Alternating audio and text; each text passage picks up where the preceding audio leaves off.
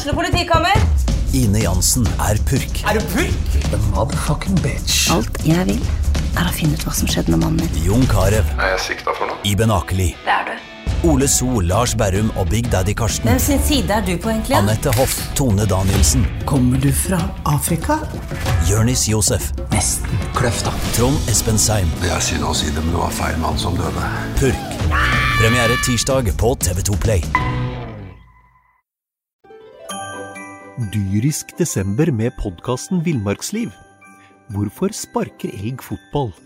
Og hvor ligger hoggormen om vinteren? Og hva er grunnen til at bjørnebinna har seg med alle hannbjørnene i området? Svarene på dette og mye mer får du i podkasten Villmarkslivs julekalender Dyrisk desember, der du hører på podkast. SA-podden presenteres av Fleksi. Regnskap med et smil.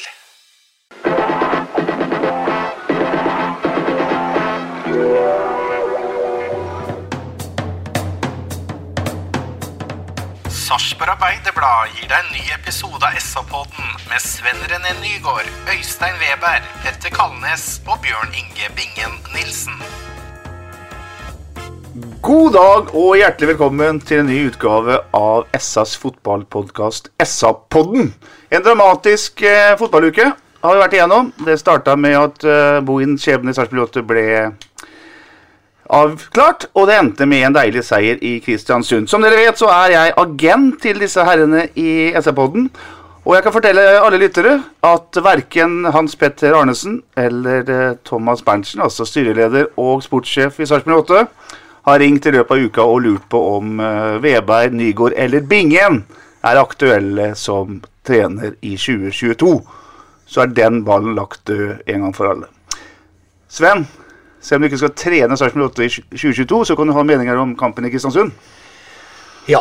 Eh, jeg må jo innrømme at jeg er eh, egentlig ganske fryktelig stolt av det laget gjør i dag. Eh, sett over hele matchen. Eh, det var eh, bunnsolid på masse områder, men jeg har et men. Og det mennet kan jeg komme tilbake senere med. Uh, masse gode fotballspillere på 08 i dag.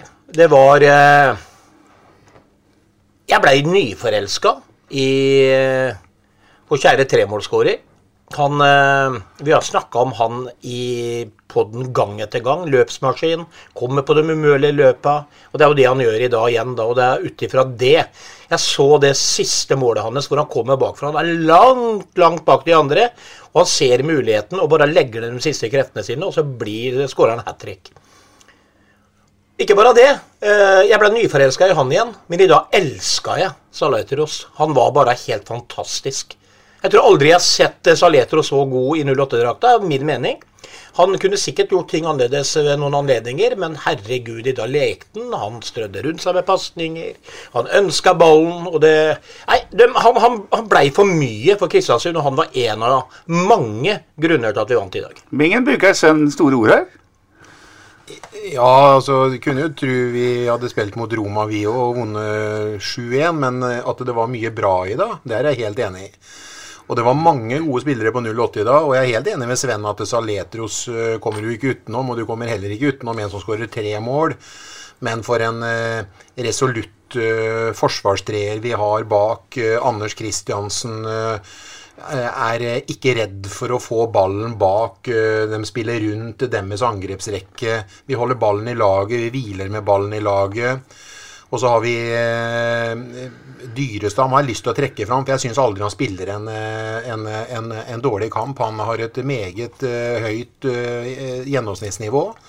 Og så har vi vår kjære venn Maigård som trommestikkene går på mm. i ett enda sett og virvler rundt og er stadig i bevegelse og skaper rom for Joakim og den siden der som ja, uh, Joakim uh, føler jeg var bedre med, med, med Maigård i dag. At den begynner å finne en miks. Og så er det jo ikke noe tvil om at det lønner seg å spille på egne ferdigheter. Da. Og det er jeg veldig glad for at 08 gjorde i dag. I dag var det ikke et avventende lag som skulle på en måte gå opp og spille for 0-0 eller 1-1.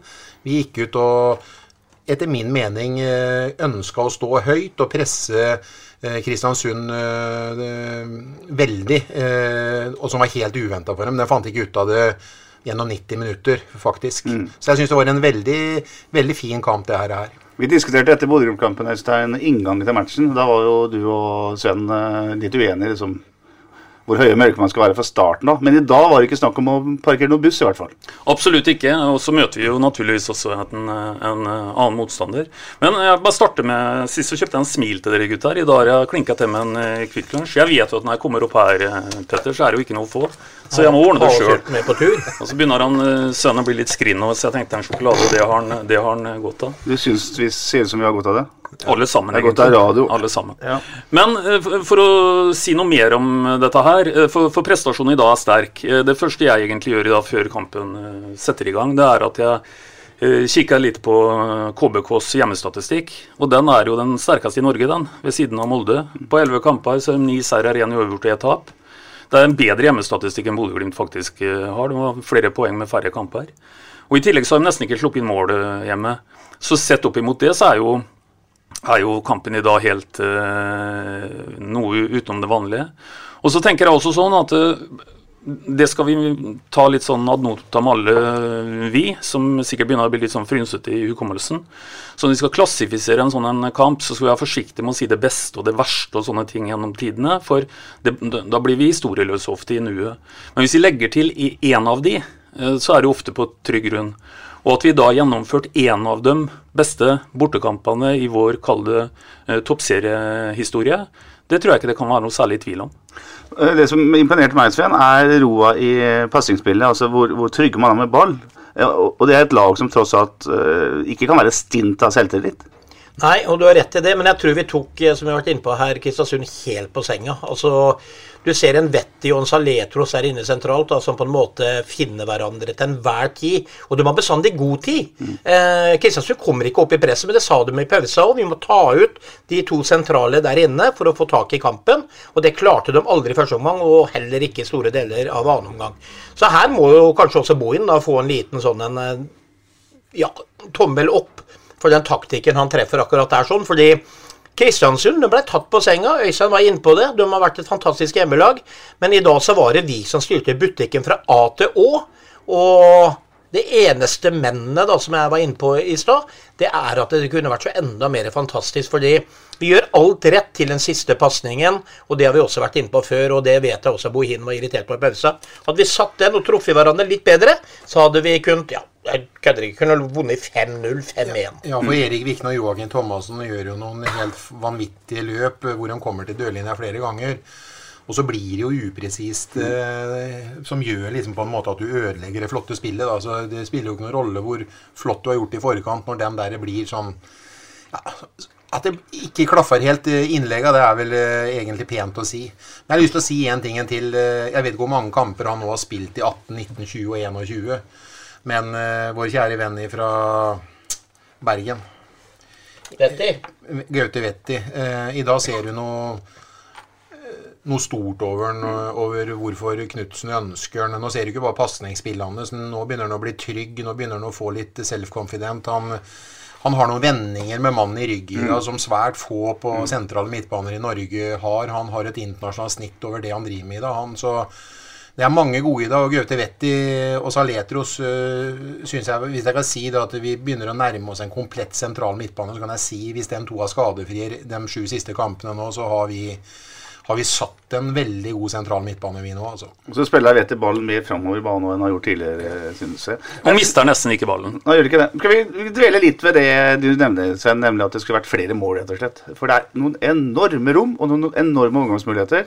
Blant annet så er det en klassiker med et, et langt kast fra Anders Kristiansen her. Det ender i en tre mot én-situasjon. Og der skal det jo i hvert fall komme til avslutning. De gjør jo ikke det engang. Og det, det er jo egentlig for dårlig. Ja, det, akkurat det er for dårlig, vet du. Og det var ikke bare den tre mot én. Men vi, jeg tipper vi har en fem situasjoner i første omgang hvor vi er tre mot to òg, i tillegg til den, liksom, som du nevner her.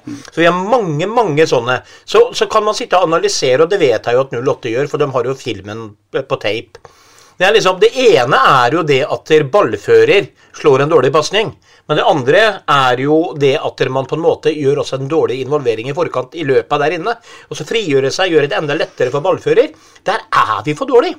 Altså, vi, vi skal skåre mer mål i dag, men det blir jo litt sånn pinlig å begynne å mase for mye Ja, ja, på ja, det. Fordi at eh, guttene de, de leder 3-0 på overtid mot en av Norges beste hjemmelag, og som lå på en bronsemedalje. ikke sant? Så her er Men vi må jo ta, du må jo ta tak i det som ikke er bra også, for å bli enda bedre. Og hvis vi klarer å rette på det i tillegg, så kommer vi til å herje med mange lag framover. Men det vi ser i Øystein, er at det er bevegelse foran ballfører hver gang. Så det, så, så det er jo enklere å så slå den pasningen framover banen, for det er bevegelse. Ja, absolutt. Og så er det en mye høyere pasningskvalitet enn vi har, eh, vi har sett på lenge.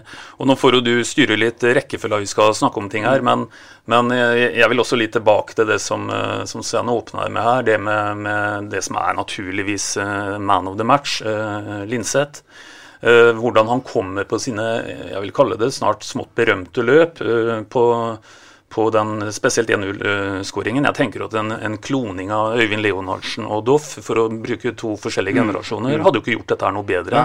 Det er jo helt tatt ut av læreboka. Og det er, som vi også har vært innom her, det er ganske, ganske tunge og lange løp som skal til for å kunne havne i den situasjonen. og og der har vi fått en, en midtbanespiller som er gull verdt for oss, altså. Det, det Øystein snakker om, er altså skåringa etter seks minutters spill, er 1-0. Det er Vetti som gjør en helt fenomenal jobb nede på, på venstresida, ca. på midtbanen. Drar an mann. Slår en bakgrunnspasning til, eh, til Kone, som slår et flatt innlegg eh, foran mål. eh, Og, og Linseth setter den mellom bena på, på McDermott. Og så sier han det sjøl i pausa. Det er den timinga han løper nøyaktig riktig tidspunkt. Når pasningen kommer, så er han foran uh, Ulvestad og setter den i mål. Ja, og, og det, det er jo liksom sånne mål han har skåra før, da. Eh, For det første, der er jo sluttproduktet til eh, Kone utrolig bra. ikke sant? For den passingen er god. Men altså, han løper ballen i mål. Altså liksom, Han bør nesten ikke gjøre noe. altså Det er så perfekt tima at han bare blir truffet av ballen fordi han kommer foran motstander. Og Det er jo, der, eh, det, er jo det som er håpløst som en gammel for, forsvarsspiller å møte sånne spillere. Fordi du, du blir aldri kvitt dem, og han kommer og kommer og kommer. Og Det er Linseth i et nøtteskall, og derfor så er han gull verdt. Men jeg vil også trekke fram noe mer enn at han skåra de tre måla. For i første omgang så løpte han så mye. Han var et oppspillspunkt i mellomrommet mellom midtbaneleddet til Kristiansund og den bakre. Så han, det var lett å kunne på en måte løfte ballen framover uten å, å ta noen store sjanser, for han hadde skaffa seg et rom. Det vi snakker om her, Bingen, er jo egentlig spilleforståelse. altså det Timing i løp handler om spilleforståelse, ikke sant? Men det blir så naturlig at ballene går vet du, i lengderetning når du har beve- beve- bevegelse foran ballfører, at du stoler på, på, på egne ferdigheter i laget, sånn som vi får ut potensialet vårt i dag. Og da tenker jeg først og fremst på at det er to stykker som er eksponenten for det i laget vårt nå. Det er jo Linseth og Maigård, som skaper mye bevegelighet mm. foran ballfører. Og da kommer det muligheter for Vikne, og det kommer muligheter for Joakim Thomassen på, på sidene til å komme rundt osv. Så, videre. så vi fremstår nå som et helt annet lag med noen spillere som vi gir tillit, som tør å få lov til å spille den type fotball som dem er gode til. Og i det systemet som vi spilte i dag, og i den kampen vi spilte i dag, så eh, vil jeg si at dem to nå begynner å vite seg til rette, eh, jeg, og er eksponenten for at ikke da Kone spiller så fryktelig alene på topp som det han har gjort i kanskje eh, 15-16 kamper eh, hittil i år. Og så er det jo som du er litt inne på, Petter, du kan jo bare spørre Ulvestad. Det tar ingen nå, du, og høre om han er glad for, for eh, en, et sånne type løp som eh, Linseth eh, kommer i der. For det er klart at det, der har jo, kan du si, en midtbanespillers forse kontra en stasjonær holdt jeg på å si, spiss, da, som lettere kan tas ut i en sånn situasjon. Men det løpet Linseth kommer på der, så vil det noen ganger nesten være helt umulig å forsvare seg mot. Så, så dette er helt etter læreboka. Ja, og læreboka er vel i og for seg nesten hele første omgang. Eh, Man mista vel litt taket på det siste kvarteret, kanskje, da, da Kristiansund kommer litt høyere i banen. Men ellers så har jeg notert en fire, fem, seks eh, glimrende angrep her. Annet en, uh, et, et uh, angrep etter 25 minutter som er tilfeldigheter som ikke gjør at Ulvestad setter en eget mål. Et flatt innlegg fra, fra Thomassen. Og det er uh, Ja, de har et skudd vel fra han danske kantspilleren etter 20 minutter ca. Ellers er det nesten ingenting. Så mer eller mindre perfekt uh, førsteomgang. Uh, Rettighetshaveren du Petter, prøvde jo å sette sammen noen highlights i pølsa her. her. ja. Nå er nok det å sette på kontoen for litt dårlig redigering. For Så dårlig var ikke KBK. For det eneste de setter opp som et høydepunkt for dem, er jo et innlegg, nesten, Mm, som, mm. som Anders Kristiansen fakker. Ja. Uh, eh, Dyrestam var nede og så blokkerte en, eh, en veldig viktig situasjon. Og, og Utvik var også inne og blokkerte et skudd som, eh, som befyra omtrent fra 16-meterstreken. Så, så no, litt hadde de, men, men eh, det er litt interessant at det highlightsa fra førsteomgangen det er en fem-seks sjanser til 08, og så et innlegg fra KBK. Det er Mm. det som blir vist. Vi har snakka om uh, spillet med ball, Svein René, men jeg, jeg har også notert meg her uh, hvordan Sarpsborg varierte presshøyden. Altså det med å stå høyt eller legge seg lavt. Uh, det synes jeg var interessant å se, for det, det virker også være et veldig godt mønster på. Ja da, og det er klart at det er sånn som 08 kjørte den kampen der i første omgang. og når, når man primært vet at man kommer bort mot en vanskelig motstander på bortebane, så, så orker man ikke på en måte å, å, å trykke til alle i det samme presset til enhver tid. Det er alltids en eller annen som faller ut. Og det var akkurat det som på en måte skjedde mye med Kristiansund. Noen av dem falt ut, og vi fikk overtall gang på gang på gang. Så det er jo veldig lurt å da gå ned en gang imellom og verne litt og hvile litt der nede. I en kompromert og la dem rulle litt rundt. Men du har helt rett i det. det jeg, jeg sitter med en følelse i ettertid nå at uh, dette var uh, ikke bare utført god kamp av hver enkeltspiller og lag, men uh, i dag traff de med det meste. Mm. Vi skal også uh, Bingen har alle skrøt av forsvarstreeren. Det er altså sånn at uh, Utvik går inn og tar plassen til Karamoko-bingen. Med fasit i hånd så var det et jeg håper, riktig laguttak. Utvik var god. Ja, vi, ja, og ja, og det, vi har aldri vært i tvil om at uh, Utvik skal spille så lenge han er frisk, Mm. men det vi vi ga det glatte lag sist gang, det var jo uh, byttene der Mm. kommer inn hektisk uh, opp i Bodø. Mm. så aldri, aldri har vi tvilt på kvaliteten til Utvik. Ut, Utvik har jo vært bautaen vår med hjelmen i så mange kamper, så er han frisk, så bør han spille. Og du har nevnt Dydestad, men jeg syns også Magnar Ødegaard spiller nok en god kamp. Nå har Magnar vært god lenge. Den treeren der, den, eh, den eh, Man bør ikke gjøre noe unødvendige bytter der så lenge det flyter sånn for den treeren. La dem samspille med mindre det er skader eh, fra start til mål eh, i de kampene som er. Og så vet vi at vi har i forhold til kort og eh, i forhold til skader, så har vi en veldig god Karimoko som kan komme inn og, og, og gjøre jobben. Så det, er, det skiller ikke veldig mye på den fire der nå. Nå, nå er en drilla. Og så fungerer det veldig godt for to hurtige kantspillere. Jeg må jo si at dere, ah, hvis Vikne kan Det er nesten som å se en veldig ung Birger Meling, det greiene her. sånn. Hvis Vikne kan uh, fortsette den arbeidskapasiteten og den hurtigheten han har, og så tilegne, tilegne seg litt mer presisjon i forhold til avleveringene sine akkurat de dem 45 eller foran mål og finne medspillere litt oftere enn han finner motspillere, så kommer det til å, å være noe stort som han kan få oppleve i fotballkarrieren sin. Mm. Han har forutsetninger for å bli en bra, veldig bra spiller. Ålreit, 1-0 i pause. Det blir sagt at uh, Kristiansund er flinke til å komme tilbake når man har ligget under. Uh, mange frykte at det skal komme et stormløp fra hjemmelaget igjen. Det gjør ikke det. I 56. minutt så kommer den tre mot én-situasjonen vi snakka om, uh, med lange kastet fra Anders Kristiansen. Og så har da Kristiansund sin, eneste, eller sin største sjanse, ikke sin eneste, men sin største, med skuddet som går via, via tverrliggeren. Men så kommer da i det sjette, sjette Nei, da er vi i gang igjen! Og så er det igjen. Etter 63 minutter, det er vanskelig å snakke, så kommer det 2-0. Jonathan Linseth gjør det aller meste poengene her etter en pasning fra Saletos, uh, var det vel. Der skyter han. Du har snakka om det før, Sven. Skyter selv om du har en forsvarsspiller eh, mellom deg og mål. Det gjorde han der, og den gikk helt til nota. Ja, han, eh, han hadde vel liksom Sånn som situasjonen forløp seg, da, så hadde han liksom den ene muligheten igjen. Han hadde én mulighet til å prøve å ta skuddfinte, kanskje, eller et eller annet. Men han skyter, og det er ikke sikkert at keeper heller venter det. Og Diversen sa jo det. Skyt når keeperen ikke venter, ikke sant? Mm, mm. Så nok en gang gjennomført alt som er der sånn. Det er eh, Han har eh, jeg er ikke sikkert Linseth får oppleve dette her noe mer. altså Skåre hat trick i Eliteserien. Det er eh, fra midtbaneposisjon. Det, det kryr ikke av de spillerne der, så ja. Det er bare til å hylle. Med, med løpskraften og tefta til Ja. Linseth, så kan han bli Norges svar på Thomas Müller. Han, Mm. eh, han kan bare fortsette å spille. Vi må bare spille på ferdighetene hans. Men det er jo ikke noe tvil om at det Linseth gjør på mål nummer to, at han fyrer det skuddet Det gjør du når, i hvert fall når du har selvtillit, men vi har muligheten til å fyre. Vi skal drible oss eh, Mm. så veldig og spille oss så veldig til eh, helt inn på nesten straffefeltet før vi skal eh, plassere den i nettet. Det, det lønner seg ofte å forvente noe uventa, vet du. Og Saletros har jo en god skuddfot, Petter, og vi ser jo det på trening hver eneste uke.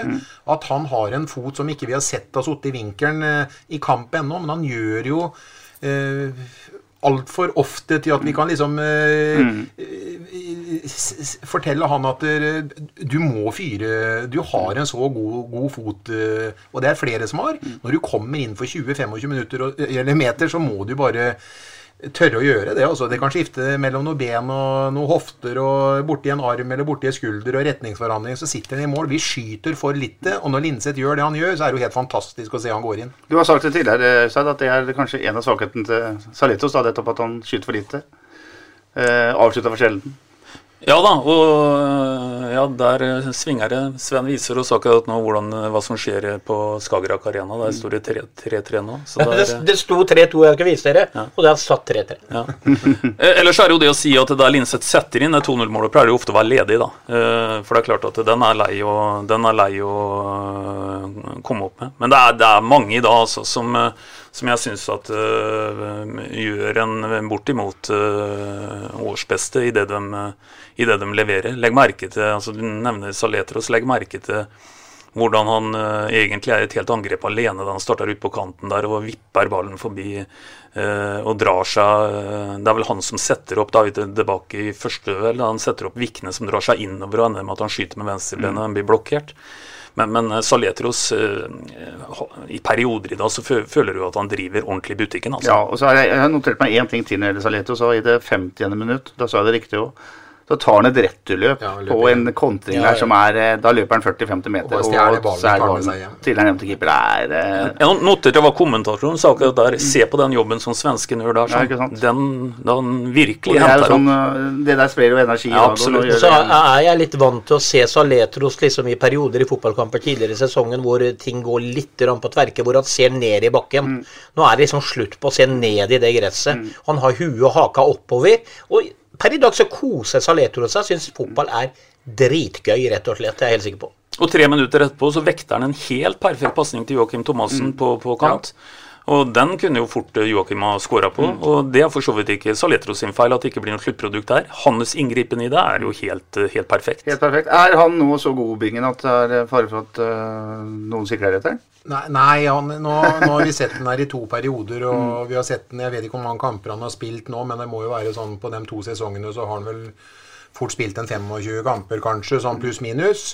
Og han har fortsatt mer å bevise for at vi skal si det. Stabiliteten hans og bunnivået må bli, eh, bli høyere, men det han viser i dag, er jo definitivt derfor Berntsen eh, henta han. Og det vi så når han kom i, i treningskampen osv., helt ifra da han eh, var på Marbella i, i 2020, før koronaen kom.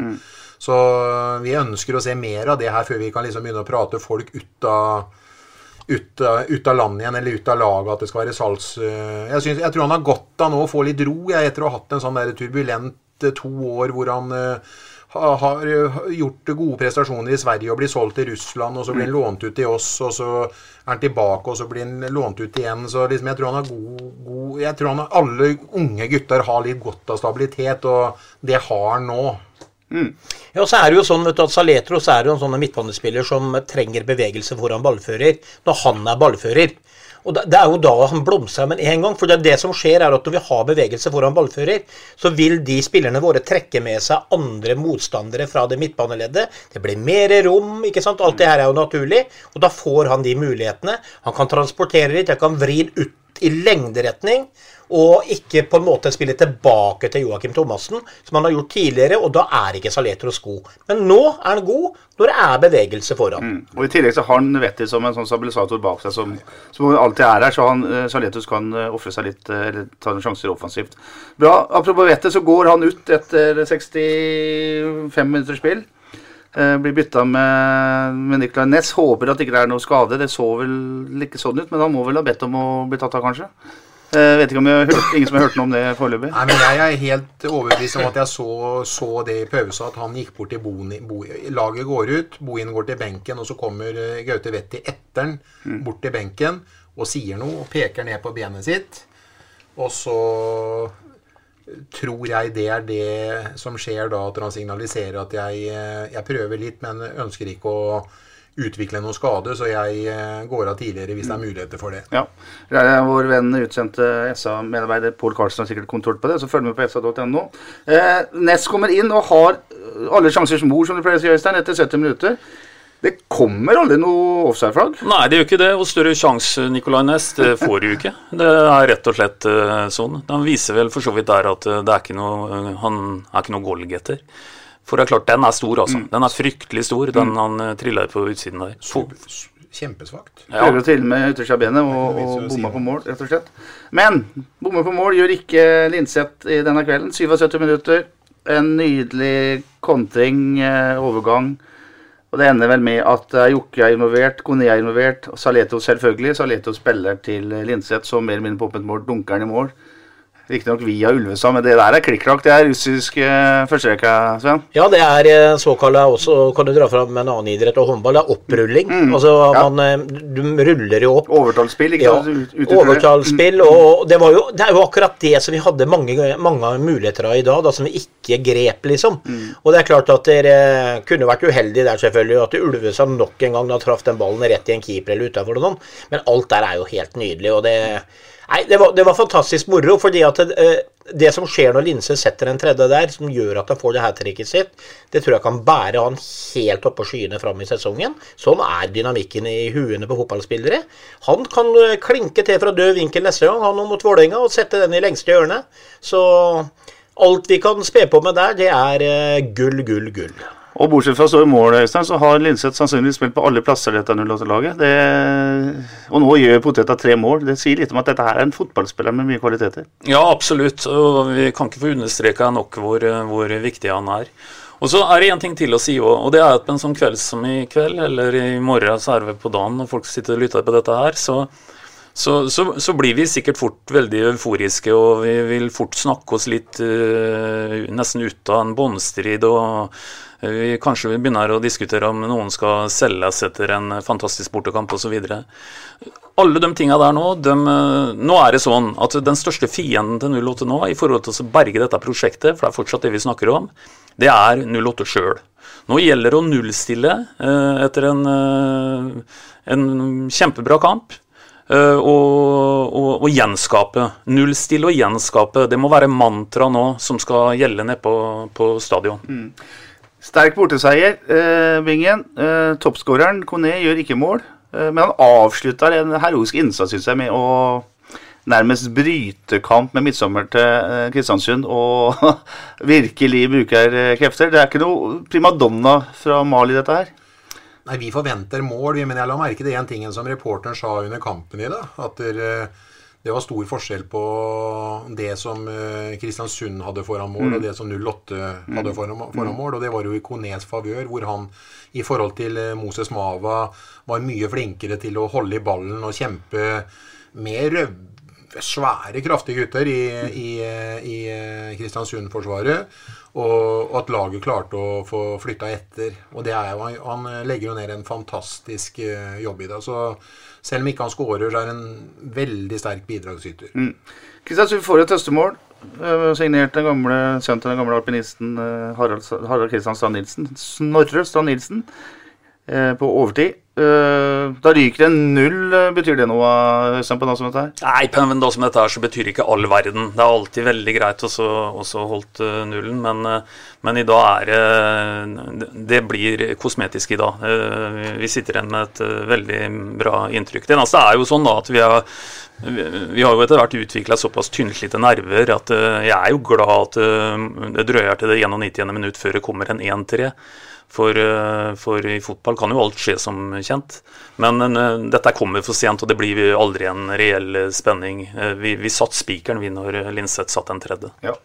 Vi ga Boen glatte lag etter Bodø-Glimt-kampen og coachinga hans, Sven. Uh, Da må vi gi noen roser i dag. Du har allerede gjort det, men du kan si litt mer. Det er en bra gjennomført kamp fra hele 08-systemet, dette her.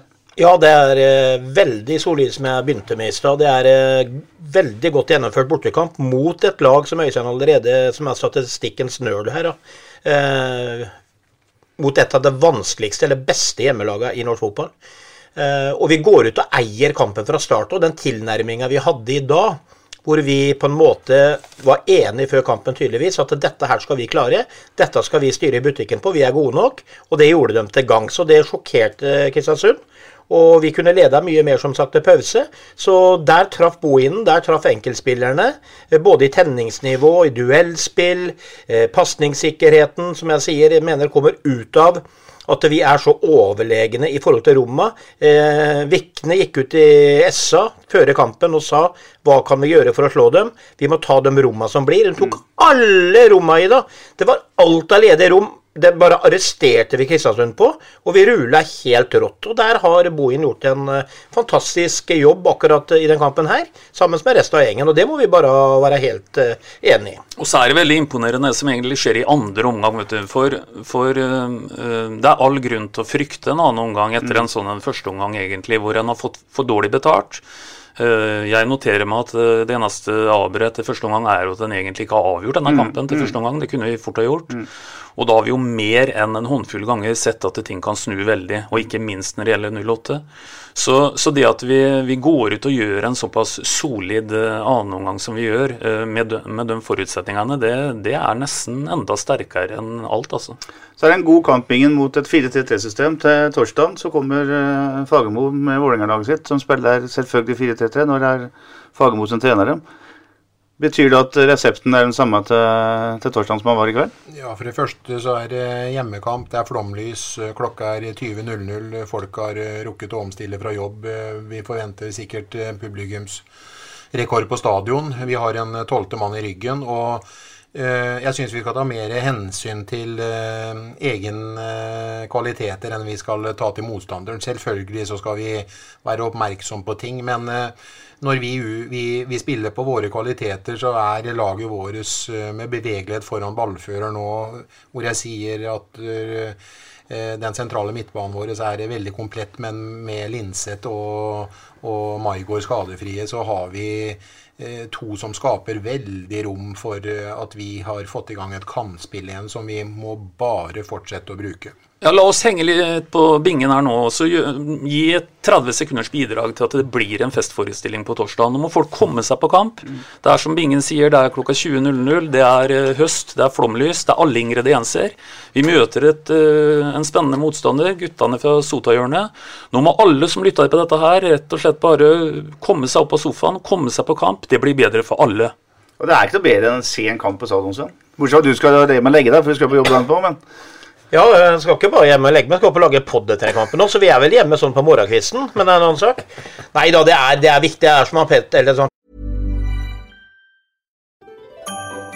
Dyrisk desember med podkasten Villmarksliv. Hvorfor sparker elg fotball? Og hvor ligger hoggormen om vinteren? Og hva er grunnen til at bjørnebinna har seg med alle hannbjørnene i området? Svarene på dette og mye mer får du i podkasten Villmarkslivs julekalender dyrisk desember, der du hører på podkast.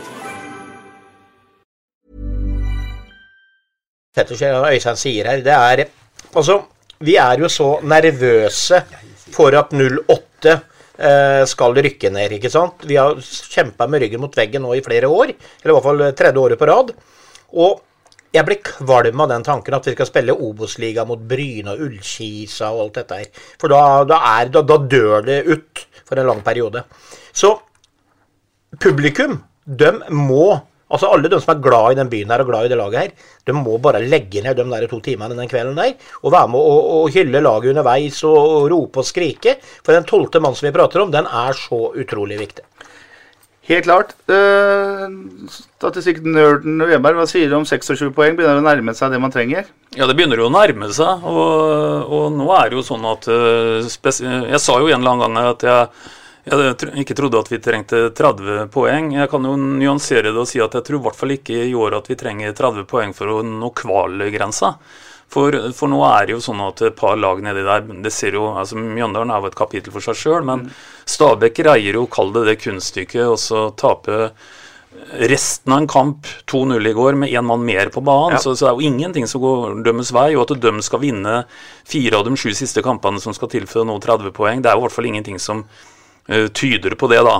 Så, så det er klart at vi nærmer oss et eller annet her. Og, og mm, skulle nå folk fulgt den oppfordringa til Bingen her nå, da, altså møte i hopetall på stadion til torsdag, og, og vi greier på den flyten vi er inne i nå, så ta en eh, seier til, så skal vi ikke sprette champagnekorkene, men da begynner vi også i hvert fall kunne sette ting i kjøleskapet. i hvert fall. Ja, for til direkte nedrykk nå så er det åtte poeng. Ikke sant? Eh, Stabæk har 18 og Sarpsborg har 26. Så begynner, det begynner å, å hjelpe. Kan jeg komme med en liten spådom, Petter? Ja, er ikke derfor du sitter her? Jo, ja, det er ikke for å spå, men eh, Gjette. jeg, jeg tror at det er, Nå vet jeg ikke hvordan det står nå, men jeg syns Brann er skikkelig på gang. Uh, jeg sier at Mjøndalen har rykka ned, Stabæk rykker ned. Og så har de kvalikplassen. Jeg tipper at Sandefjord havner på den eh, kvaliken. Nå er vi forbi Sandefjord. De har altså på de siste kampene spilt 1-1 mot Mjøndalen, tapt 3-0 for Stabæk, slått, eller tapt 2-1 for Viking, 0-0 mot Odd, tapt 4-1 for Rosenborg. Nå har de Godset hjemme neste gang. Så skal de ha Bodø-Glimt borte, Molde borte, så skal de ha den der krisekampen Brann hjemme, og så er det Haugesund borte. Jeg tror de får svært, svært, svært få poeng. Jeg tror Brann vinner lokaloppgjøret, eller ikke lokaloppgjøret, det oppgjøret der. Så tror jeg plutselig Sandefjord havner på den kvaliken. Ja, selv om det nå er seks poeng mellom dem, hvis det står uh, Ja, ja, ja. Jeg skjønner alle spådommer, men det hadde vært jæklig fint om vi f.eks. når vi skal spille om 21 poeng til. Det hadde vært eh, helt utrolig gøy om vi kunne fått 9-12 poeng og kommet så i flyten på de siste syv kampene at vi hadde virkelig ordna det. Det var ikke selv. det spådommen min handla om, for jeg utelukker jo 08 at de havner der nede nå. For jeg sier at Sandefjord Ja. kommer til å være det laget som havner på den kvaliken, og de to andre rykker ned. Ja, men Sven, spådommen din er for lang. Det, det var Ja, hovedproblemet. det prater jeg for mye med Men, der, jo. men, men eh, jeg er enig. Hvis vi kunne i tillegg eh, Vi ønsker oss ikke noe mer enn at vi beholder plassen, men kan vi i tillegg ønske oss å beholde den litt tidligere enn helt på kampen? Det hadde jo vært et drømmescenario. Tenk å reise til syvende og sist til Bergen da uten at det betyr noen ting.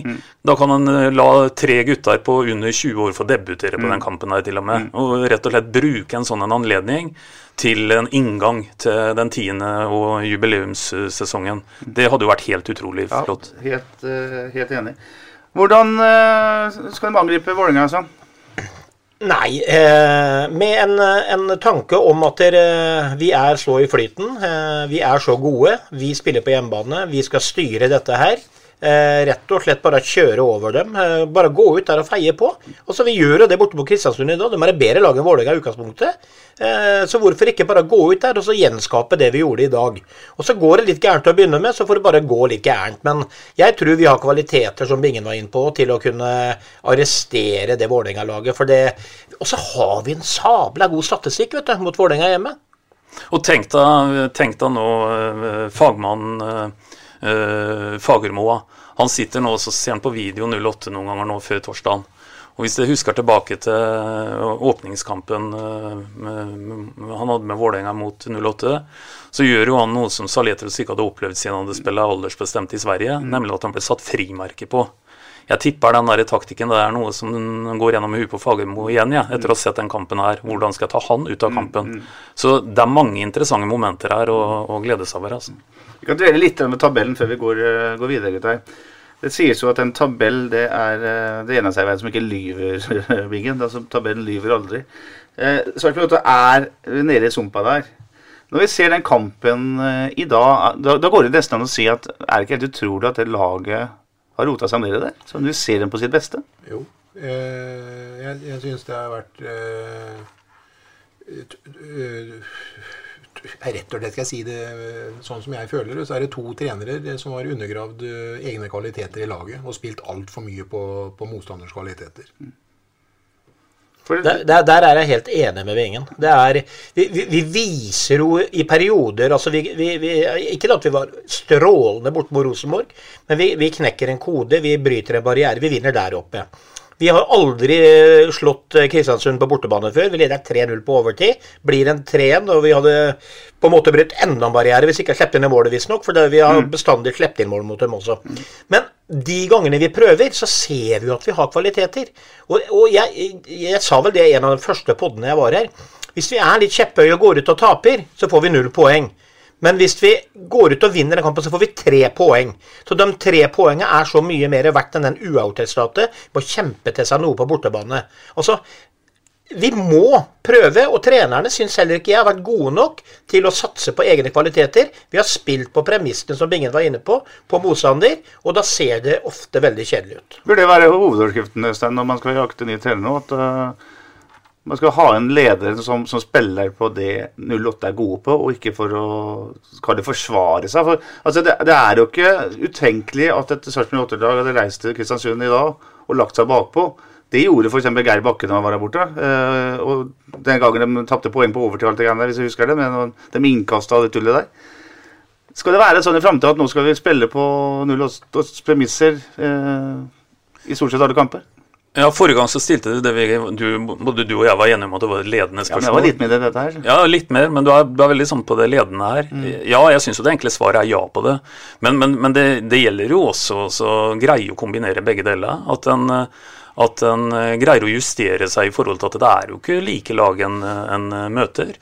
Men eh, jeg er helt enig i utgangspunktet at, at at uh, vi, må, vi, må, tro på egne ferdigheter, og i hvert fall hvis vi skal legge det til grunn for en uh, nyansettelse av en ny trener som forhåpentligvis skal være her i tre til fem år, så, så, må i hvert fall utgangspunktet være at han, uh, han har klokketro på det materiellet han skal jobbe med. Men det er ingen tvil om at det er vanskeligere Sven, enn å, å forsvare seg til noe? Ja, det, det, det, er bestandig lettere å være en forsvarsspiller enn en angrepsspiller. Det er lettere å forsvare noe, men samtidig så er det på en måte man, hvis man vet man har kvalitet Sånn som i dag, da, når du har en Vetti og Saletros. Altså Vetti han, han, han, han, vender opp i alle ender og bauger, og de flyr unna. han, Saletros er god med ball, alt dette her. Og når du har, dem, altså, når du har sånne fotballspillere, så må du dyrke dem. Altså, mm. Du har ikke noe valg. Fordi at Saletros, som jeg var inne på, han hadde huet nede i bakken i mange kamper hittil i år. For han, han, han syns ikke ting har vært gøy. Han har ikke klart å finne noe foran seg. Han må ta med seg en Thomas eller en Vikne eller Ødegård i, i 45 bakover, for det er ikke løsning framover. Vi må dyrke dem. Og så, Hvis de dyrker dem, så, så, så blomstrer de gutta. Det gjorde de jo i dag. Da ser vi hvor gode vi kan være. Og så kan man diskutere med ny trener og alt dette her. Spillestil. Ja, vi trenger kanter som konger. Kanskje vi trenger ja, unnskyld, enda bedre kantspillere som er enda hurtigere, flinkere til å komme til linja, legge dem rette legga osv., osv., osv. Så klarer vi å komplementere det med å utvikle det laget her veldig. Men vi må jo vi kan, du, Publikum liker jo heller ikke det, Petter. Å sitte der på stadion år etter år og si at fotball fotballag som eh, legger seg med Kone rett foran egen 16-meter og resten av laget inni. Altså, Det er ikke noe underholdning heller. Og underholdning må vi aldri undervurdere, selv om poengene teller mest. Mm. Og så er det jo sånn da at eh, det går an å peke på noe veldig konkret her. Uh, vi ser etter hvert at en Vetti er utrolig viktig. Han har nesten mm. ikke spilt fotball for 08 siden han, mm. han, kom, for å være litt tabloid på det. Mm. Vi ser at en Maigård har en frekvens som vil være nyttig og veldig, veldig spennende for oss. Vi ser at en Saletros nå er bedre enn han noen gang har vært i, i 08-epoken. Og vi ser at en Vikne på kant uh, begynner å ta steg som uh, gjør han til faktisk en veldig, veldig interessant kant. Uh, det er jo summen av dette her, så alt er jo egentlig ikke bare et spørsmål om uh, uh, trener i dette her, eller det dreier seg om at her begynner noen nå å levere bedre enn De begynner å vise sin beste utgave av seg sjøl, da.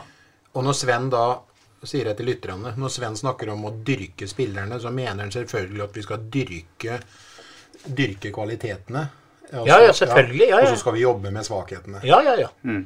Og kvalitetene til Saletto f.eks. er jo det å være en offensiv spiller fram i banen og ha løsninger. Og, altså Spille den opp og tilbake, bare vri rundt, komme. altså Alt framover. Og der har det jo ikke vært for mye de siste åra, syns jeg. Og selvfølgelig har 08 spilt fotball framover, men altfor sjeldent. Ja, For meg så er det helt utrolig at vi bare har Beklager, nå skulle det skje noe. For meg, så, For å gjenta det i stad men eh, vi har, vi, har, vi har, nå i år så har vi eh, Vi fikk vår syvende seier. Eh, i år. Eh, så ser vi hvor fantastisk eh, fin fotball vi spiller i dag. og Kristiansund fant aldri ut av det. Og det var ikke for at vi la oss i første omgang og eh, ga på de siste 20. Det var rett og slett for at vi stolte på oss sjøl og dro til Kristiansund fordi at vi ønska å spille og dyrke styrkene våre. Og bruke løpskraften til de eh, spillerne nå som vi har i laget, foran ballfører. Og da får vi resultater. Og at det laget da har syv seire på 23 forsøk, er helt ubegripelig hvis du ser isolert den kampen her i dag. Poddens overtid. Vi har allerede vært innom temaet, men i overtida i dag så skal vi snakke om uh, trenersituasjonen i Sarpsborg 08, eller for ikke å snakke om uh, trenersituasjonen i 2022-sesongen i Sarpsborg 08. For det var sånn at 14.01 på mandag ettermiddag, altså klokka 14.01, så fikk vi en pressemelding fra klubben, signert uh, Hans Petter Arnesen og Lars Bohinen, om at man bryter samarbeidet med Bohinen, og at det ikke blir noe Lars Bohinen i Sarpsborg 08 neste sesong. Vi skal ta noen temaer rundt det her. Vi skal starte med det som mange har vært opptatt av, Bingen, nemlig timinga her. Midt i en hektisk uh, innspurt så får man også beskjed om at det blir en ny trener neste sesong. Hva, hva tenkte du når du hørte nyheten? Og, hvis du tar timinga, da. Timinga, så tenkte jeg det at uh, timinga på sånne avgjørelser er aldri lett å ta, men til fordel for 08 sin ledelse så er jeg helt overbevist om at det var avtalt en dato en eller annen gang i den og den uka. Mm. Som at uh, man skulle ta et da evalueringsmøte for veien videre. Og da var uh, avgjørelsen allerede tatt fra 08 sin uh, side. Og når den kom, så kan man jo ikke legge lokk på det. Og da må det bli som det blir. At det kommer ut før eller siden. 15.10 var datoen da de skulle på en måte bli enige om, om det videre gangen. Uh, ingen sier at det er vanskelig å si når det er riktig å gå ut med dette her, Øystein. Lars Bohen sier til Sarpsborg Verba at det var en riktig beslutning. Eh, og på et slags riktig tidspunkt. Mens han sier til VG at han syns timinga kanskje ikke var helt bra. Det sier litt om hvor komplekst det kanskje er. Da. Ja da, og, de to uttalelsene er jo helt umulig å skjønne sånn sett opp mot hverandre. Mm. Men for en gangs skyld så, så, så syns jeg Bingen er reflektert og, og snakker som en 56 år gammel statsmann her han sitter. For det som er eh, de eneste som egentlig tar feil i dette, bingen, det er de som høye og mørke og hardnakka hevder at det ene eller det andre er 100% riktig. For det er ikke sånn det er. Dette er antagelig en sånn type beslutning som det er mest av i en fotballklubb, hvor det ikke er svart-hvitt. Det er ikke sånn at det er ja 100% eller nei 100% Jeg støtter den uh, timingen som ble gjort, for når først beslutningen er tatt, så, så, tror jeg for det første at det hadde vært helt umulig å holde dette her på en intern måned. Og, og, og, jobben deres Petter, er jo daglig å konfrontere daglig leder eller hvem det måtte være med hva skjer med bohinen. Mm. Uh, alle vet at det, uansett så var dette en kontrakt som skulle vare ut, og så skulle det eventuelt foretas noe etter det. Så jo kortere tida blir mot den 12.12., jo mer trøkk hadde det blitt på det. Det hadde også vært en stor energilekkasje.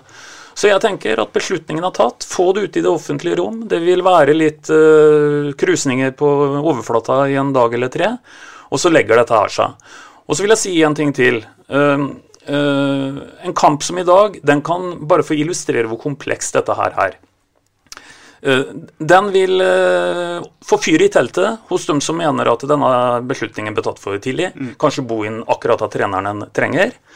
Og så vil den også gi fyr i teltet til dem som sier at timingen var helt eh, topp. Nå fikk de snakka seg gjennom dette her. Bohin han må nå prestere, for eh, han jobber jo for sin neste eh, yrkesaktive kontrakt i fotballen. Så han er nødt til å, å levere. Så her må en velge et eller annet, og noen ganger så er ikke det noe svart-hvitt beslutning. Og jeg støtter den beslutningen som ble tatt. Er det liksom overdrevet dette her, Sven? Altså, øh, hvis du får en ny sjef i barnehagen, så slutter jo ikke du å jobbe hardt, liksom. Øh, de guttene her må jo fortsette å jobbe hardt, selv om Bohin ikke skal være der øh, fra 1.1. Ja, og så tenker jeg det at uh, Det er jeg enig med egentlig både Bingen og, og Øystein. Jeg er ille enig der i dag. Nei, ja, men, men, men den beslutninga der altså jeg, Spillerne òg vet jo om dette, det er sikkert en del intern prat og sånn i forkant. så kommer ikke, De leser jo ikke at Bohin slutter i SA. altså De er fullt klar over det. For enkeltspillere kanskje det utløser en positivitet. i forhold til, så, Sånn er jo fotballen, det vet du jo. altså Nummer tolv er aldri fornøyd, han som sitter på benken. Så han er jo negativ til treneren til enhver tid. Altså sånn indirekte. Man vil jo gjerne spille fotballkamper. Kanskje noen syns ja, det, ja Nei, jeg hadde ikke lyst til å ha med Bohin videre. Og, og får positiv energi av det. Så jeg tenker at det her er eh, Det, det, det var helt greit. Fordi jeg tror jeg var jo tidlig ute og sa at jeg tror ikke Bohin fortsetter, og det var jo ganske lenge før akkurat det der. Og, og, det er jo grunner til det. Det har jo ikke vært veldig utvikling hvis du tar vekk den kampen i dag, som var god. Så, så jeg tenker at det er helt greit, ja, og de fikk litt energiboost. Og så har jo Øystein et veldig godt poeng, da. Det er at det, hvis Bohin har lyst til å være fotballtrener videre, så må han være profesjonell. Han må gå ut og levere resultater. Tenk om han får på CV-en sin da. seks seire de siste kampene med 0-8. Det er sånn. Fantastisk fotball av 0-8, men jeg fikk ikke jobbe videre. Interessant for andre. Ja, ikke sant? Som vanlig så er det ikke så lett å ha regien her, for jeg har tenkt å gå videre vet du, etter at du først snakka om timing. Så vi snakka om selve beslutninga, men har du allerede sagt hva du syns? Du burde ha lært, Petter. Ja, jeg har gitt opp for lenge siden. Biggen, selve beslutninga om å ikke fortsette med Bohin, hva tenker du om den? Altså, er du enig i det? Nei, men, det er så, men jeg bør ikke gjenta det nå. Jeg, er jo, jeg støtter eh, det 08 har gjort. Mm. Det gjør Sven nå. Hva gjør du, Øystein? Jeg tror det er en riktig beslutning. Det som blir spennende nå, er jo hva en skal få inn. Og da er det jo viktig at dette her blir en eh, kall det bredt forankra prosess. Det er helt sikkert mange kloke hoder som skal involveres i dette. Det må ikke gjøres til noe solospill på noen måte, sånn som tabloide medier ofte vil gjøre det til. Jeg så en Joakim Jonsson i Eurosport i dag uttalte at eller han hosta vel opp, for å hjelpe dere sikkert, Petter, syv aktuelle kandidater. Par av dem hadde jeg knapt nok eh, hørt om. Uh, sikkert spennende trenere alle sammen. Men, men, men uh, det virker som at, uh, at de er enten en favoritt eller, eller, ikke en favoritt, basert på sin personlige kjennskap til sportssjefen. Sånn kan det jo ikke, sånn det jo ikke være. Dette må jo, dette må jo være breiere forankra enn som så. Og så må en ta en stor diskusjon på hvordan vi ønsker å fremstå framover. Jo, men hvis Thomas Berntsen fortsatt skal være sportssjef, og det skal han jo helt sikkert eh må jo ikke det være kjemi med treneren? da? Jo, kjemi må det jo være, men det må være kjemi med flere. Dette er jo ikke noe enmannsshow. Og det er jeg sikker på at de har lært av. Ja, da. det blir ikke noe solo av Berntsen, det her. Nei, det bør. Ja da, det bør være helt unødvendig å si det. Jeg tror alle oppegående folk skjønner at dette kan ikke være noe solospill.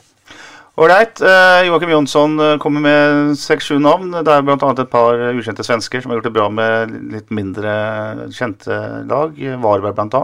Vi har ramsa opp en 20 forskjellige navn, uh, Sven. Alt fra Ove Røsler til ja, Petter Myhre.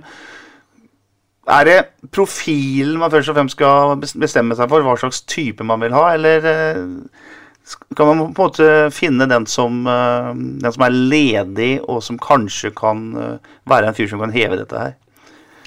Det er vanskelig. Jeg, jeg syns akkurat det her er veldig vanskelig. Altså, man, man, må stake ut en kurs da, for uh, hvordan skal 08 spille fotball. og skal man stake ut den kursen, så må man se hva har vi av spillemateriell. Eh, hvilke rollespillere har vi til det og det systemet? Ta 4-3-3. Så trenger du type rollespillere. Det er jo akkurat det Knutsen holder på med i Bodø-Glimt. Og i dag så vi hvorfor han ville ha Vetti. Vender opp, lengderetning, pang. ikke sant? Så, så det, det, er jo masse ting som må passe inn her. Men, men, jeg ønsker meg også en sterk leder. En leder som på en måte Jeg vet ikke åssen jeg er indre livet er i 08 der oppe, jeg, men en som rett og slett bestemmer. Ferdig med det som ikke kan bli påvirka av andre rundt seg, og som klarer å få gutta til å yte maks enhver tid, og som på en måte ikke har noe slenger i valsen. Det hørte vi også om Knutsen. Altså, Botheim kan ikke falle ned, for da er Knutsen der. ikke sant? Mm, mm. Altså, Du må ha en sånn en type. Men så må du, som sagt Først, hvilket system skal vi spille? Hvem er tilgjengelig? Hvem kan vi kjøpe fri? Og så kan man komme med mye ønsker og tanker, men uh, det er jo ingen tvil om at dagens moderne fotball ligner på type Bodø-Glimt. Men la oss gå tilbake til den første, det første trenerbyttet i Sarpsborg 8-historien. Det er når Kai Andersen ble erstatta med Conny Karlsson. Da sier vi at Kai er en del av 08-historia. ikke sant? Da går altså Sarpsborg 8 fra å spille 4-3-3 med under Kai, en sånn Nils Arne Eggen-fotball, til å hente en erke IFK Gøteborg-fasong i 4-4-2, sånn 80-tallsfotball. Eh, altså et kjempestilbrudd. Litt av det samme skjer når man er satt tilbake med Stare og skal over til tre bak. Hva, hva slags fotball, Bingen, hva, hva, mener du nå? Hva, man, hvordan skal man spille fotball fra neste år? Skal man fortsette å utvikle 3-4-3, 3-5-2? Eller skal man tilbake til fire bak? For det må jo ligge i bånn når man skal ut og hente treneren der, må ikke det? Jo, og jeg er jo sikker på at de er ute etter en offensiv eh, spiller nå. altså De gir seg nok ikke med å skal videreføre det de har jobba med nå. De, eh, spesielt eh, de to siste sesongene hvor vi ikke har fått forløst det offensive, offensive potensialet. Holder vi plassen, så er jeg helt sikker på at de er ute etter en trener som er der i hodet. Et spennende navn. Altså, navn kan jo være mange, hvis det går an å liksom si noe om det. Mm. Forventer du, å, altså, forventer du noe uventa, så er det jo f.eks. sånn som Jørn og Røsler, to uh, typer som man sikkert tenker at dem dem, hva skal dem ha, liksom? Men liksom ta kontakt med dem og så klare ut om de er interessert eller ikke. Men en kar som er ledig, og som jeg syns var veldig fin òg, fra hjemlig liga, som gjorde en fin reise med Ranheim, og som var fin både taktisk og var fremoverlent med offensiv fotball og, og eh, var flink med mediet, som var en eh, person som på en måte var eh, en klubbmann som at det skulle handle liksom, Det skulle ikke handle om han, det var ikke han som var i fokus. Svein Målen var jo en, en sånn en person som er lett å like. Så det er mange navn de skal igjennom, men la det bli bredt forankra i klubben eh, mm. hvordan vi ønsker profilen, hvordan han skal fungere. Og det gjør ikke noe om at han eh, skal være en sparringspartner til, eh, til Thomas Berntsen. Mm. Han må aller helst være det, og ikke flyte med, for å si det mm. sånn. Det skal være en sterk karakter. Men før du får ordet, Øystein. Svein Målen, la oss si det han. Han er et ren 4-3-3-mann. Kan man da hente han til en klubb som skal videreutvikle et 3-4-3-system? Blir ikke det å på en måte ikke ta det faget alvorlig nok? Jo, og jeg er litt mer usikker på om, eh, om det er så hogga i sten at vi skal for enhver pris videreutvikle et 3-4-3. Når du sier at det var et stilbrudd mellom Kai og Conny den gangen, så har du rett i det. Men, men, på en måte så er det ikke et stilbrudd i forhold til en realisme tilnærma til fotball. Jeg syns at det store stilbruddet i dag, bare for å komme med et personlig ønske som jeg helst ikke vil ha nede på stadion, så er det noe av det du ser av litt eh, jeg kaller det litt eventyrfotball. Litt, eh, du har noen nye fotballtrenere i dag som antagelig har sett eh, veldig mye på Barcelona og blitt mm. inspirert osv. I Guardiola sin tid osv. Men, men, men, men det, er altså, det er spill med så høy risiko at, at risikoen står ikke på noen måte i forhold til avkastning. Så, så, hvis jeg skulle ønske meg noe, så må det være en som har en edruelig tilnærming til det spillemateriellet vi har, og som uh, er litt sånn tilbake til røttene i forhold til at det skal gå i lengderetning. Det skal innimellom til og med slås uh, langt. Og, det, og det skal, uh, risiko skal du først og fremst ta på motstanders banehalvdel. Mm. Er tallkombinasjoner oppskrytt? Snakker vi for mye om 4-3-3 og 3-4-3? To, liksom, eller 3-4-3, i stedet for å si at uh, det handler om f.eks. at ballen skal framover. Om det er tre bak eller fire bak, det er liksom underordna. Ja, Det er vanskelig å si det, Petter. Men, men, men, tilbake til det jeg sa når du spurte meg på forrige spørsmål. det er at det, hvis, For å se og ønske seg en ny trener, så må klubben forankre spillesystemet sitt. Altså, Jeg sier ikke at Målen og de gutta de er jo oppegående, gode fotballtrenere. Bevist. Kan selvfølgelig spille flere systemer, men det er jo noe de har dyrka. Og så Først så må du liksom bestemme hvilken fotball skal 08 spille. Mm. Og så må du si om den kan passe med store deler av stallen. Noen må vekk, nye må inn. Vi må kjøpe nye rollespillere. Så kan du lete etter de navnene. Kan du liksom ikke bare hive en trener inn og, og si at vi skal spille sånn. Du må også ha en tilnærming. Og så, herregud, jeg, jeg, jeg sier det gang på gang. Altså, Bodø-Glimt sverger til den 4-3-3-spillet sitt. Og så de, de, dyrker det så hardt at de, de Altså, det, det, går på skinner som det gjorde ved Rosenborg. Og skal vi noen gang bli ordentlig gode igjen, så må vi dyrke noe. Og da må vi en, ha en trener som kan dyrke et system som klubben vil spille. Mm, mm. Og det mest interessante av mye som skjedde etter den torsdagskampen for Bodø, syns jeg er at uh, Kjetil Knutsen nettopp sier det der. At uh, han får ros for 4-3-3. Så sier han at ja, men dette her har han spilt i generasjoner. Ja. En, en mannsalder brukte det ordet. Brukte Men tenk deg hvor mye de trener på det på ja, hver økt. Ja, og så de nesten De slår ballen i blinde, og løpet kommer i blinde. Mm. Og da, da er jeg tilbake til ordet mitt dyrke igjen, da. Du må dyrke, dyrke, dyrke den spillestilen. Og han treneren som kommer, han må være god på den spillestilen. Så må vi ha spilletypene mm. som passer til spillestilen. Klarer vi å treffe på de tre der, så får det gå litt på ræva til å begynne med, da. Men jeg er helt sikker på løpet av en lang fotballsesong så sitter de tinga. så ser vi en eh, helt ny progresjon. Én ting er jeg håper Sarpsborg fotballby enige om nå, Øystein. Det er at det trengs noe nytt, det trengs en ny giv. Det, og det sier vi her, det skriver vi i avisa, det sier supporterne. Og det sier også klubbens ledelse. Sist nå ute i, i Nettavisen var det vel, med, eller Eurosport, eller hvor det var han, med Thomas Berntsen, som sier at nå må noe skje. Han snakker om at nå har de gått sideveis inn i framtida. Nettavisen. Nettavisen var det. Hva er det egentlig Thomas Berntsen sier? Nei, det er jo et godt spørsmål. Det er jo nesten urettferdig at jeg skal svare på det, det tåkepratet der. For det å gå sideveis, det, det er jo ikke noen analyse for meg i i hele tatt. Uh, jeg hadde vel antagelig svart det samme sjøl hvis jeg var veldig usikker på diagnosa. For uh, det er greit at headingen på, på, det stykket i Nettavisa er en bånn ærlig Berntsen. Men jeg får ikke veldig mye ut av vi har bevega oss sideveis, og vi må tilte skikkelig i maskinen for å få ut rusket. Vi ligger der vi ligger. Alle, den tabellen kan alle lese. Og vi har ligget der vi har ligget i både 19 og 20. Det kan alle, alle lese. Så det blir jeg ikke sånn spesielt klok av. Og så kan det godt hende at, at det er ikke nøyaktig det han har sagt og alt det greiene der. Det, det, det, det, vet jo ikke jeg. Jeg bare sier som, sånn jeg ser det. Jeg, jeg, jeg skjønner ikke helt uh, hva en egentlig snakker om der. Men at en må få til en form for en revitalisering og, og en litt sånn ny giv, det er jeg jo helt enig i. Men, men så er fotball egentlig har jo en hurtigvirkende medisin, vet du. Og det er uh, å få til resultater. Får en til resultater. Vi ser jo hvordan vi nå i dag sitter oss og på en måte er helt euforiske etter én enkelt uh, fotballkamp. Vi skal ikke mer enn tilbake til ja, uh, Bodø-Glimt-kampen var ikke så aller verst, men, men et par kamper før det så, så, var vi jo helt nede i kjelleren. Så dette snur jo veldig fort. Så, så øh, byen kommer til å stå på huet den, hvis, hvis vi begynner å vinne fotballkamper. Mm. Du kan få siste ord i den, den diskusjonen her om trenerbingen. selvfølgelig, for du er jo liksom statsmann og sportssjef her. snakker om revitalisering av en klubb og et lag.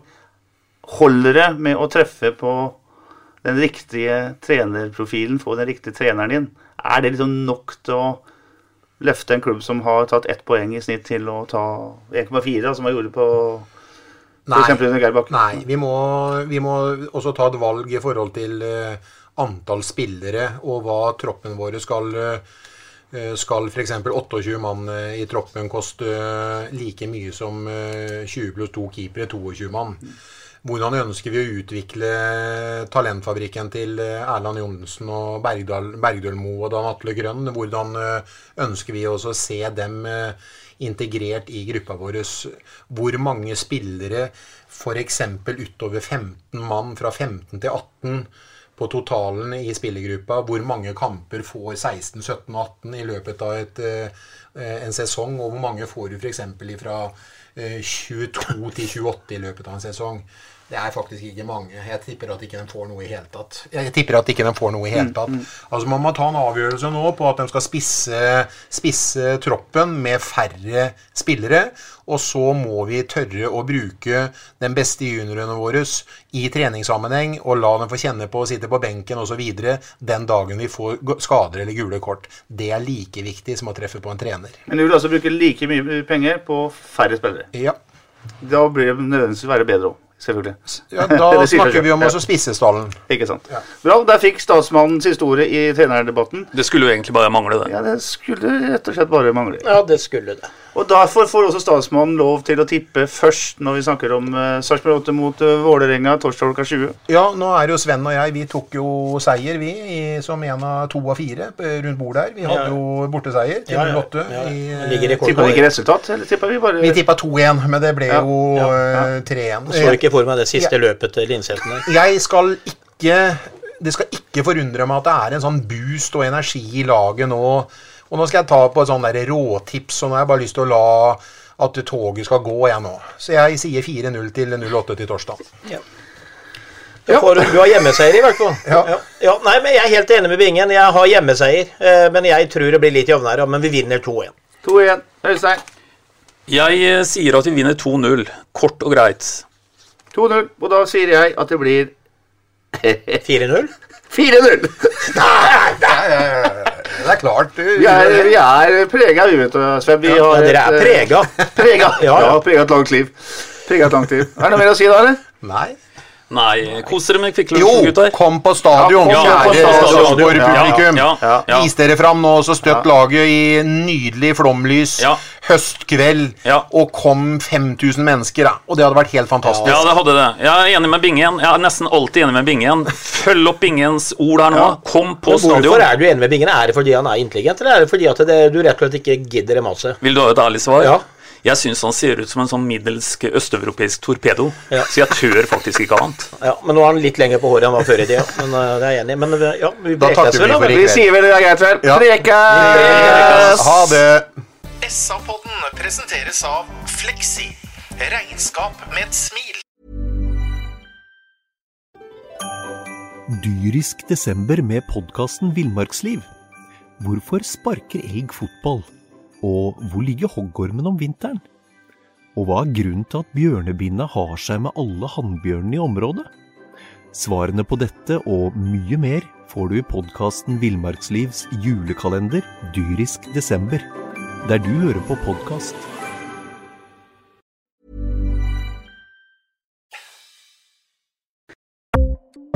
Ukens annonsør er HelloFresh. HelloFresh er verdens ledende matkasseleverandør og kan være redningen i en travel hverdag. Mange av oss har nok vandret i butikken både sultne og uten en plan for middagen, som ender med at vi går for de samme kjedelige rettene gang på gang. Middag burde være dagens høydepunkt. Som HelloFresh kan du nå velge mellom 25 ulike retter hver eneste uke, eller få HelloFresh til å sette sammen menyen for deg. Dette gir deg muligheten til å prøve nye og spennende retter alene eller sammen med familien. Du velger antall porsjoner og får alt levert på døren på et tidspunkt som passer for deg. Oppskriftene er enkle, og maten er lett å lage både for store og for små.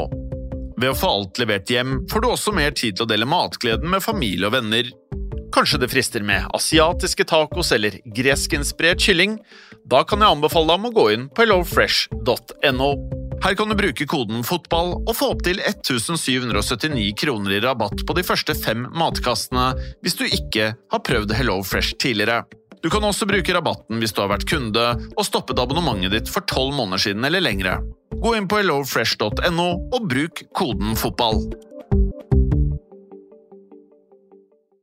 Har du et enkeltpersonforetak eller en liten bedrift? Da er du sikkert lei av å høre meg snakke om hvor enkelt det er med kvitteringer og bilag i fiken, så vi eh, gir oss her, vi. Fordi vi liker enkelt. Fiken superenkelt regnskap.